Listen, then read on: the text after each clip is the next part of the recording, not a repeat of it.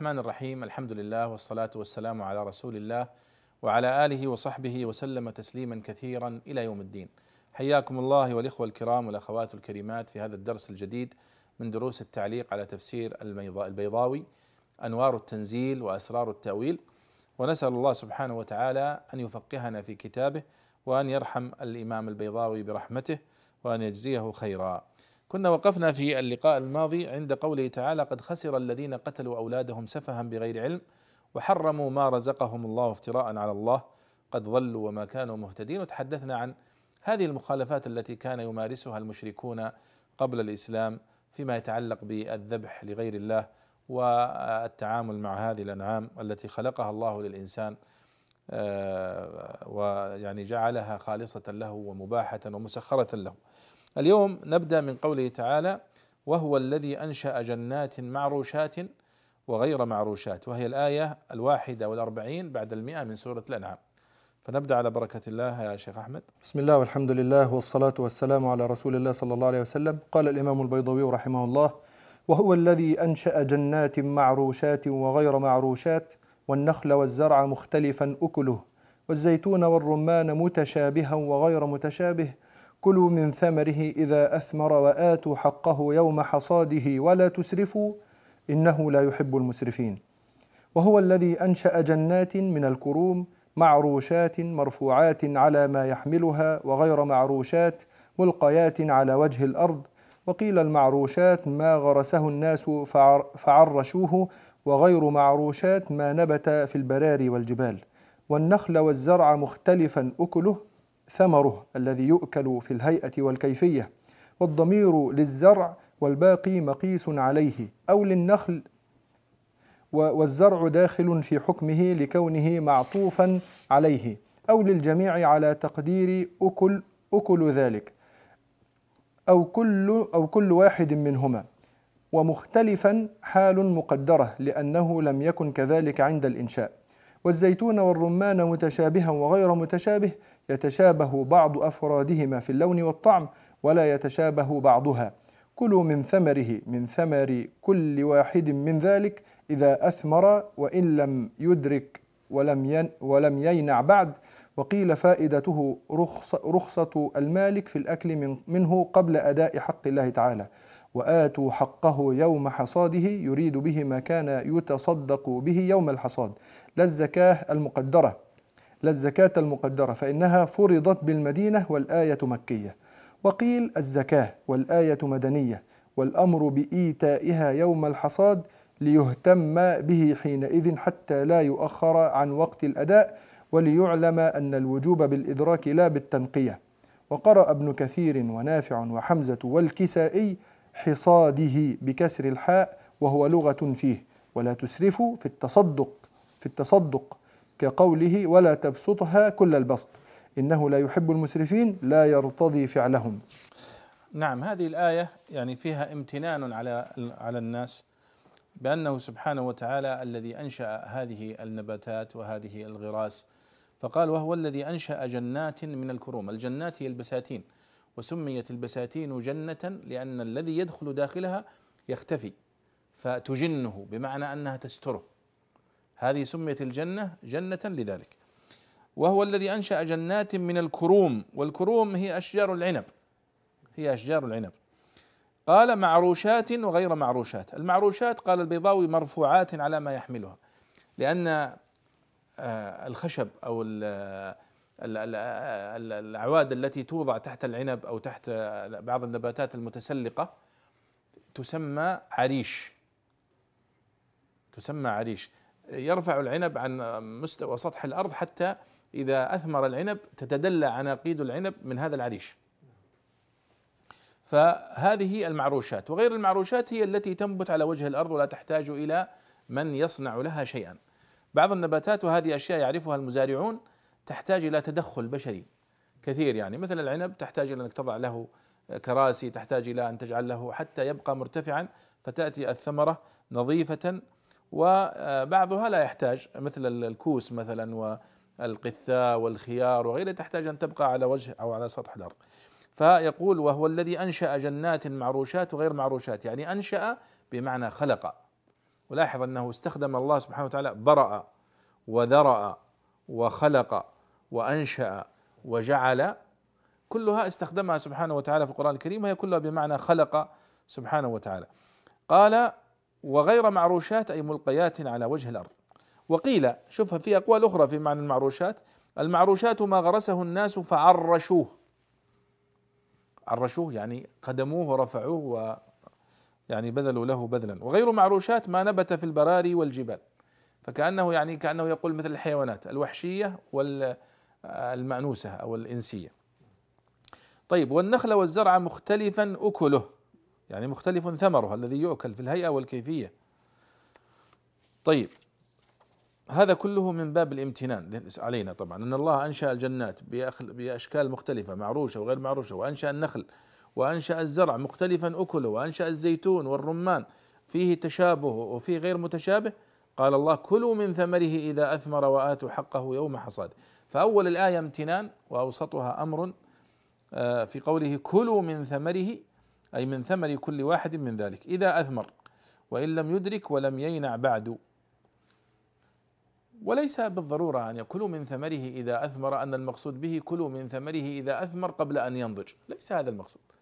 ولكنه أمر بأن يستمتع وأن الله قد سخر لنا هذه النباتات بأن نأكل من ثمرها إذا أثمر. والعادة أنه لا يأكل الإنسان من هذه الثمار إلا إذا نضجت واستوت لأنك إذا أكلت منها قبل نضجها ربما لا تستسيغها. قال وآتوا حقه يوم حصاده. يريد به ما كان يتصدق به يوم الحصاد. لا الزكاة المقدرة فإنها فرضت بالمدينة والآية مكية. إذا هذا قول هذا قول يا شباب أن وآتوا حقه يوم حصاده أن المقصود بها الزكاة الواجبة العشر ونصف العشر. وقيل لا المقصود بها الصدقة مطلقا. وآتوا حقه من الصدقة المطلقة يوم حصاده لأنه ألذ وأفضل وأحب إلى الفقراء. وقيل لأن ذا لأن الزكاة ما فرضت إلا في السنة الثانية من الهجرة في المدينة. وهذه الآية مدني مكية. وقيل بل الزكاة المقصود به الزكاة الواجبة. والآية مدنية أي أن هذه الآية بالذات نزلت في المدينة بعد ذلك. والأمر بإيتائها يوم الحصاد ليهتم بها حينئذ حتى لا يؤخر عن وقت الأداء وليعلم أن الوجوب بالإدراك لا بالتنقية. يعني يقولون أن الله يقول آتوا حقه يوم حصاده أن هنا يجب فيها الزكاة الآن في هذا في هذا الوقت وليس تأخيرها حتى تنقيها وتضعها في الصناديق أو تضعها في أكياس أو كذلك. لا. وبعضهم قال لا. الآية ليس كما قال الشنقيطي وآتوا حقه يوم حصاده ليس المقصود مباشرة وإنما بعد أن تحصد وأن تنقيه وأن تضعه في في ثم تبدأ فتزكي. لكن الفكرة والمقصود أنه أمر بأن يبادر ويسارع المسلمون إلى التصدق وإخراج الصدقة وقت الحصاد. وقرأ ابن كثير ونافع وحمزة والكسائي وآتوا حقه يوم حصاده بكسر الحاء وهو لغة في الحصاد. يقال حصاد ويقال حصاد. ولا تسرفوا إنه لا يحب المسرفين. قال لا تسرفوا في التصدق. كقوله تعالى ولا تبسطها كل البسط إنه لا يحب المسرفين لا يرتضي فعلهم. ويعني قد ذكر المفسرون في قوله تعالى آه إن بلوناهم كما بلونا أصحاب الجنة إذا أقسموا لا يصرمنها مصبحين ولا يستثنون. في قصتهم أنهم كانوا يقولون كان أبوهم إذا خرج الحصاد قالوا تصدق بثلث وادخر ثلثا ليكون بذرا يبذره في السنة القادمة وأكل ثلث. تصدق بثلث وأكل ثلث وادخر ثلث. فلما جاء أبناؤه أرادوا أن يمنعوا هذا الثلث الذي يتصدق به فيم في في يعني يحوز الثمرة الكاملة. فذكر الله أنه سبحانه وتعالى فطاف عليها طائف من ربك وهم نائمون فأصبحت كالصريم ولذلك الصدقة وآتوا حقه يوم حصاده فيه بركة وفيه نماء لهذا الزرع ولهذا الحصاد. نعم. قال رحمه الله ومن الأنعام حمولة وفرشا. كلوا مما رزقكم الله ولا تتبعوا خطوات الشيطان إنه لكم عدو مبين. ومن الأنعام حمولة وفرشا عطف على جنات. أي وأنشأ من الأنعام ما يحمل الأثقال وما يفرش للذبح أو ما يفرش المنسوج من شعره وصوفه ووبره. وقيل الكبار الصالحة للحمل والصغار الدانية من الأرض مثل الفرش والمفروش عليها. كلوا مما رزقكم الله كلوا مما أحل لكم منه. ولا تتبعوا خطوات الشيطان في التحليل والتحريم من عند أنفسكم. إنه لكم عدو مبين ظاهر ظاهر العداوة. نعم. يعني الله يقول هنا ومن الأنعام حمولة وفرشا. معطوف على الآية التي سبقها كما يقول البيضاوي. ومن الأنعام حمولة وفرشا. يعني وهو الذي أنشأ جنات معروشات وأنشأ من الأنعام حمولة وفرشا. يعني خلق سبحانه وتعالى. بمعنى خلق لكم من الأنعام ما يحمل الأثقال وما يفرش للذبح. ومن الأنعام حمولة وفرشا. فيقول الكبار من الأنعام مثل الإبل مثل الخيل مثل الحمير آه هذه يمكن أن يحمل عليها آه ونركب ويركب عليها فتنقل الأغراض وتنقل الناس. والفرش مثل الغنم ومثل المعز ونحوها التي يعني تذبح وتقتنى. آه، كلوا مما رزقكم الله. طبعا البيضاوي ذكر الحمولة والفرش معنيان. قال هي من الأنعام ما يحمل ما يحمل الأثقال وما يفرش للذبح أو ما يفرش المنسوج من شعره وصوفه ووبره وقيل الكبار الصالحة للحمل والصغار الدانية من الأرض مثل الفرش المفروش عليها. طيب كلوا مما رزقكم الله كلوا مما أحل لكم منه. لماذا؟ لأنه قد حرم علينا بعضها. آه، حرمت عليكم الميتة والدم ولحم الخنزير وما أهل لغير الله به والمنخنقة والموقودة والمتردية والنطيحة وما أكل السبع إلا ما ذكيتم وما ذبح على النصب وأن تستقسم وهكذا. هذه محرمات. فإذا قوله هنا كلوا مما رزقكم الله من هذه الأنعام يستثنى من ذلك ما حرم عليكم. لذلك البيضاوي قال كلوا مما أحل لكم منه. وهذه شوفوا يا شباب فائدة معرفة التفسير وفهم كلام الله. فيحمل بعضه على بعض. فهنا كلوا مما رزقكم الله هذه عامة.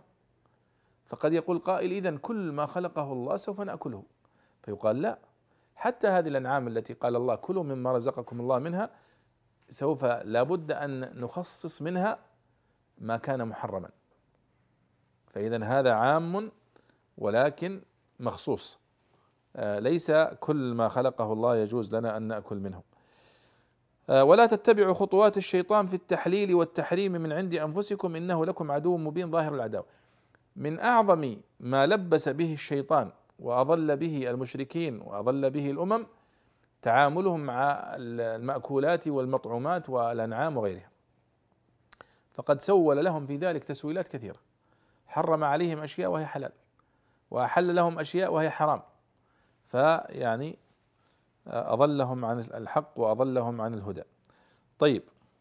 قال رحمه الله ثمانية أزواج من الضأن اثنين ومن المعز اثنين. قل آذكرين حرم أم الأنثيين؟ أما اشتملت عليه أرحام الأنثيين نبئوني بعلم إن كنتم صادقين. ثمانية أزواج ثمانية أزواج بدل من حمولة وفرشة أو مفعول أو مفعول كلوا ولا تتبعوا معترض بينهما.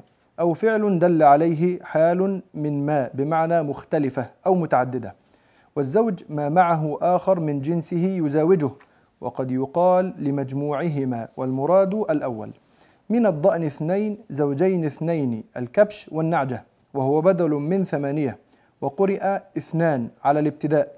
والضأن اسم جنس كالإبل وجمعه ضئين أو جمع ضاء كتاجر وت... كتاجر وتجر وقرئ بفتح الهمزة وهو لغة فيه. ومن المعز اثنين التيس والعنز وقرأ ابن كثير وأبو عمرو وابن عامر ويعقوب بالفتح وهو جمع ماعز كصاحب وصحب أو حارس وحرس. وقرئ معزي معزي معزي. وقرئ معزي. الحقيقة أني أنا أتصور أنها معزة نعم. معزة وليست معزي. كما يقول المصريون. نعم إيه. كما نقول نحن أيضا معزة نعم. قل آذكرين ذكر الضأن وذكر المعز حرم حرم أم الأنثيين أم أنثييهما؟ ونصب الذكرين والأنثيين بحرم. أما اشتملت عليه أرحام الأنثيين أو ما حملت إناث الجنسين ذكرا كان أو أنثى؟ نبئوني بعلم بأمر معلوم يدل على أن الله تعالى حرم شيئا من ذلك إن كنتم صادقين في دعوى التحريم.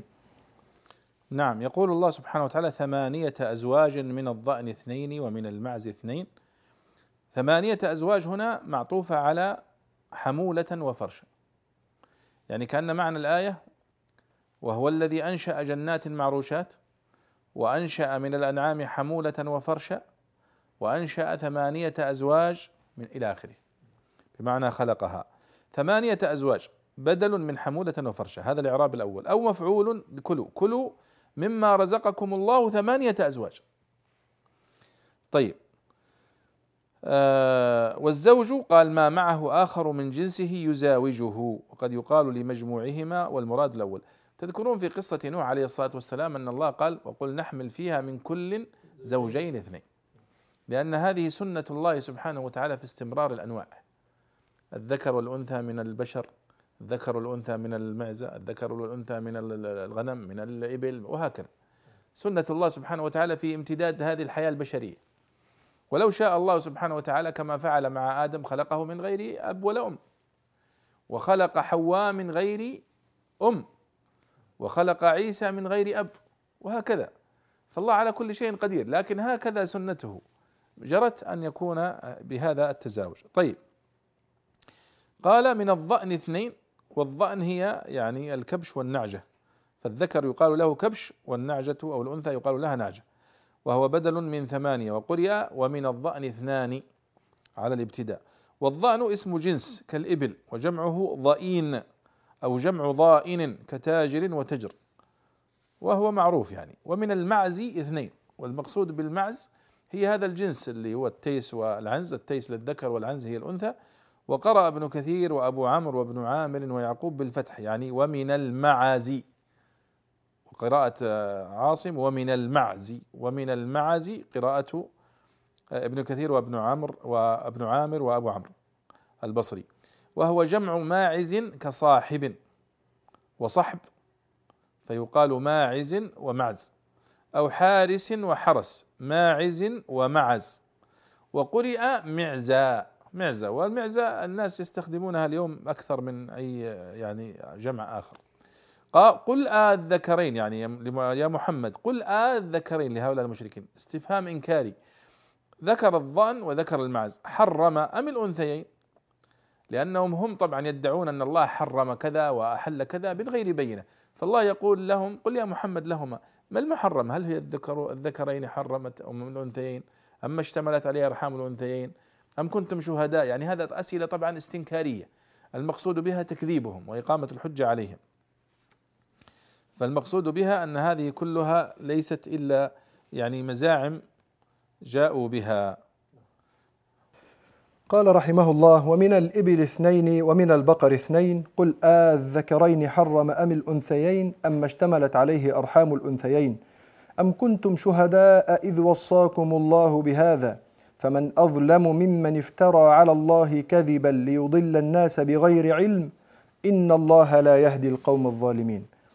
ومن الإبل اثنين ومن البقر اثنين قل آذكرين حرم أم, الأنثيين أم اشتملت عليه أرحام الأنثيين كما سبق. والمعنى إنكار أن الله تعالى حرم من الأجناس الأربعة ذكرا أو أنثى أو ما تحمل إناثها ردا عليهم فإنهم كانوا يحرمون ذكور الأنعام تارة تارة, تارة وإناثها تارة وأولادها كيف كانت تارة زاعمين أن الله تعالى حرمها. أم كنتم شهداء؟ بل أكنتم حاضرين مشاهدين إذ وصاكم الله بهذا حين وصاكم الله بهذا التحريم إذ أنتم لا تؤمنون بنبي فلا طريق لكم إلى معرفة أمثال ذلك إلا المشاهدة والسماع. فمن أظلم ممن افترى على الله كذبا فنسب إليه تحريم ما لم يحرم والمراد كبراؤهم المقررون لذلك. أو عمرو بن لحي المؤسس له. ليضل الناس بغير علم إن الله لا يهدي القوم الظالمين. نعم. ومن الإبل اثنين طبعا هي يعني معطوفة على الآيات التي الآية التي قبلها. آه، المقصود والمعنى أن إنكار أن الله تعالى حرم من الأجناس الأربعة ذكرا أو أنثى. إلا طبعا ما حرمه الله مثل الميتة المنخنقة الموقودة المتردية أما أنه حرم أنثى المعز خصوصا أو ذكر الغنم خصوصا أو هذه كلها تحكم من المشركين لا دليل عليه. أم كنتم شهداء؟ يعني الله يقول ويسأل النبي صلى الله عليه وسلم سؤال استنكاري. أنتم كنتم شهداء إذ وصاكم الله بهذا؟ عندكم شيء مكتوب؟ آه، يعني هذا هو المقصود. أم كنتم شهداء؟ يعني كنتم حاضرين مشاهدين. آه، إذ وصاكم الله بهذا حين وصاكم الله بهذا التحريم. وأنتم لا تؤمنون بنبي أصلا. فكيف وصلتكم يعني؟ فمن أظلم ممن افترى على الله كذبا. هذا اتهام لهم بالكذب ونسبة الكذب إليه. فنسب إليه تحريم ما لم يحرم والمراد كبراؤهم المقررون لذلك. أو عمرو بن لحي المؤسس له والذي جاء بالأصنام إلى جزيرة العرب. عمرو بن لحي الخزاعي. والنبي صلى الله عليه وسلم يقول إني رأيت عمرو بن لحي يجرجر أقتابه في جهنم لأنه هو الذي جاء بالأصنام. سافر إلى الشام فوجد هذه الأصنام تباع هناك والناس يعبدونها. ما هذا؟ قال والله هذه نعبدها وكذا وكذا. قال استحسنها. وإلا كان السائد في الجزيرة العربية الحنيفية. من بعد إبراهيم عليه الصلاة والسلام من بعد أن بنى البيت واستقر إسماعيل ابنه في مكة أصبحت ذريته على التوحيد وعلى الحنفية. ما كان في أصنام. حتى جاء عمرو بن لحي وجاب الأصنام أصبحت في جوف الكعبة وأصبحت حول الكعبة. حتى النبي صلى الله عليه وسلم لما جاء في فتح مكة يقولون كان حول الكعبة 360 صنم.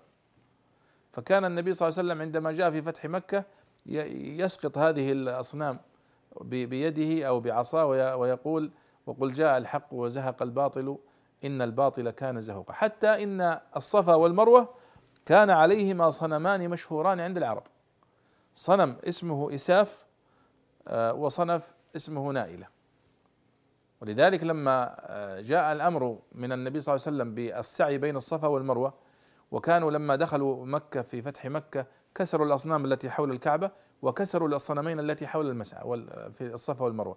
فتحرجوا من السعي بين الصفا والمروة لأن ارتبطت في أذهانهم بهذه الأصنام. فقال الله إن الصفا والمروة من شعائر الله فمن حج البيت واعتمر فلا جناح عليه يطوف بهما. فما طرأ على الصفا والمروة من هذه الشركيات لا يضر آه، بعد إزالته في أصل الشعيرة. نعم. قال الله فمن أظلم من افترى نعم ليضل الناس بغير علم. إن الله لا يهدي القوم الظالمين. واضحه نعم تفضل. قال رحمه الله قل لا أجد فيما أوحي إلي محرما على طاعم يطعمه إلا أن يكون ميتة أو دما مسفوحا أو لحم خنزير فإنه رجس أو فسقا أهل لغير الله به. فمن اضطر فمن اضطر غير باغ ولا عاد فإن ربك غفور رحيم. قل لا أجد فيما أوحي إلي أي في القرآن أو فيما أوحي إلي مطلقا. وفيه تنبيه على أن التحريم إنما يعلم بالوحي لا بالهوى. محرما طعاما محرما. على طاعم يطعمه إلا أن يكون ميتة إلا أن يكون الطعام ميتة. وقرأ ابن كثير وحمزة تكون بالتاء لتأنيث الخبر. وقرأ ابن عامر بالتاء ورفع ميتة. على أن كان هي التامة. وقوله دما مسفوحا عطف على أن مع ما في حيزه أي إلا وجود ميتة أو دما مسفوحا أي مصبوبا كالدم في العروق لا كالكبد والطحال.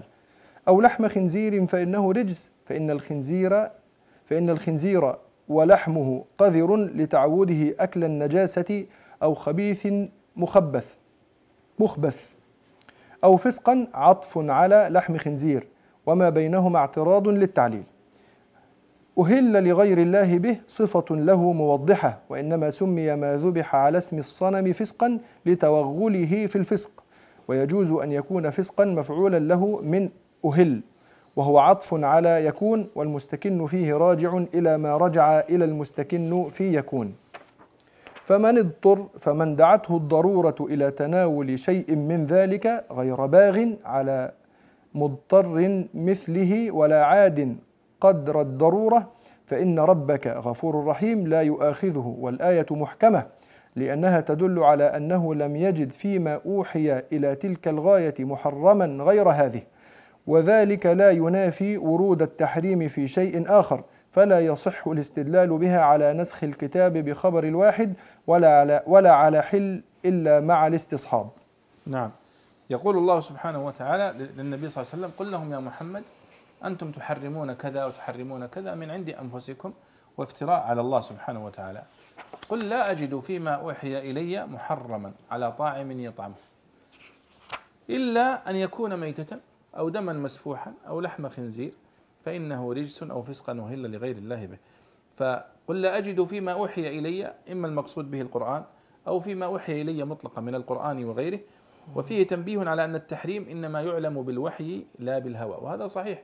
النبي صلى الله عليه وسلم ما كان ينطق عن الهوى عليه الصلاة والسلام بل هو آه، وحي أوحاه الله إليه. محرما أي طعاما محرما. على طاعم يطعمه يعني على آكل يأكله. إلا أن يكون هذا الطعام ميتة. فهذا محرم لأن الله نص على أنه محرم. وقرأ ابن كثير وحمزة إلا أن تكون بالتاء. لتأنيث الخبر إلا أن تكون ميتة أو ميتة. وقرأ ابن عامر بالتاء ورفع ميتة إلا أن تكون ميتة يعني تكون كان هنا تامة. وقوله أو دما مسفوحا عطف على أن مع ما في حيزه. والدم المسفوح هو المصبوب الذي يكون عند الذبح أي مصبوبا كالدم في العروق لا كالكبد والطحال لأنها أحلت. أو لحم خنزير فإنه رجس. أو فسقا فإن الخنزير أو لحمه قدر لتعوده أكل النجاسة أو خبيث مخبث لما في لحمه ولما في أكله وحياته من الخبث. وما أهل أو نعم قال أو فسقا أهل لغير الله به صفة له موضحة. يعني ذكر عليه غير اسم الله. أهل لغير الله به الأهل يعني رفع الصوت بغير اسم الله كاللاتي والعزى ونحوه. وإنما سمي ما ذبح على اسم الصنم فسقا لتوغله في الفسق لأن الفسق هو الخروج. فالذبح لغير الله لا شك أنه خروج عن التوحيد وعن العبادة الصحيحة لله سبحانه وتعالى وشرك بالله سبحانه وتعالى. فمن اضطر غير باغ ولا عاد فإن ربك غفور رحيم. يعني فمن اضطر إلى تناول شيء من هذه المحرمات مثل الدم أو الميتة أو لحم الخنزير فإنه يأكل قال غير باغ ولا عاد. الباغي هو المتجاوز للحد. فيكون يدعي أنه مضطر وهو ليس بمضطر. والعادي هو الذي يأكل ويتجاوز حد الضرورة. يعني مثلا وجد ميتة راح أكل حتى شبع لا وإنما يؤكل من الميتة ما يدفع الجوع. لأنها يعني محرمة في الأصل. فإن ربك غفور رحيم لا يؤاخذه. ثم قال البيضاوي والآية محكمة. صدق فعلا هذه آية محكمة غير منسوخة. فكل ما ذكر الله فيها من المحرمات هي ما زالت محرمات إلى اليوم لأنها تدل على أنه لم يجد فيما أوحي إلى تلك الآية محرما غير هذه. لكنه يريد أن يشير هنا إلى أن محرمات هناك محرمات أخرى. ليست الآية هنا دليلا على أن المحرمات هذه فقط. فقد جاءت في سورة المائدة بعد ذلك بسنوات حرمت عليكم الميتة والدم ولحم الخنزير وما أهل لغير الله به والمنخنقة والموقوذة والمتردية والنطيحة وما أكل السبع. وهذه كلها تدخل في الميتة. نعم. فهي إضافة إلى هذه المحرمات. قال فلا يصح الاستدلال بها على نسخ الكتاب بخبر الواحد ولا على حل إلا مع الاستصحاب. والاستصحاب هنا أنه لا يصح الاستدلال بها على حل شيء بدون استصحاب الأصل وهو أن الأصل في الميتة المحرم. أو الحرمة. الأصل في الميتة الحرمة. الأصل في الدماء الحرمة. طيب النبي صلى الله عليه وسلم قال أحلت لنا ميتتان ودمان. فالميتتان ميتة السمك وميتة الجراد صح؟ وأحلت لنا دمان الكبد والطحال. فإذا هذا استثناء يخرج أو يعني يخرج يخرج من هذا التحريم العام للميتة وللدم. ولعلنا نتوقف يا شباب عند هذا الموضع ونكمل بإذن الله تعالى في الدرس القادم. آه، بقية الآيات من سورة الأنعام. ونحن قاربنا على نهاية هذه السورة العظيمة وما فيها من الوصايا وما فيها من الأدلة العظيمة والآيات آه، الجامعة التي آه، أنزلها الله في هذه المرحلة المتقدمة في مكة على النبي صلى الله عليه وسلم. ونسأل الله سبحانه وتعالى أن يفقهنا في كتابه. وأن يجعلنا جميعا من أهل القرآن الذين هم أهل الله وخاصته. والسلام عليكم ورحمة الله وبركاته.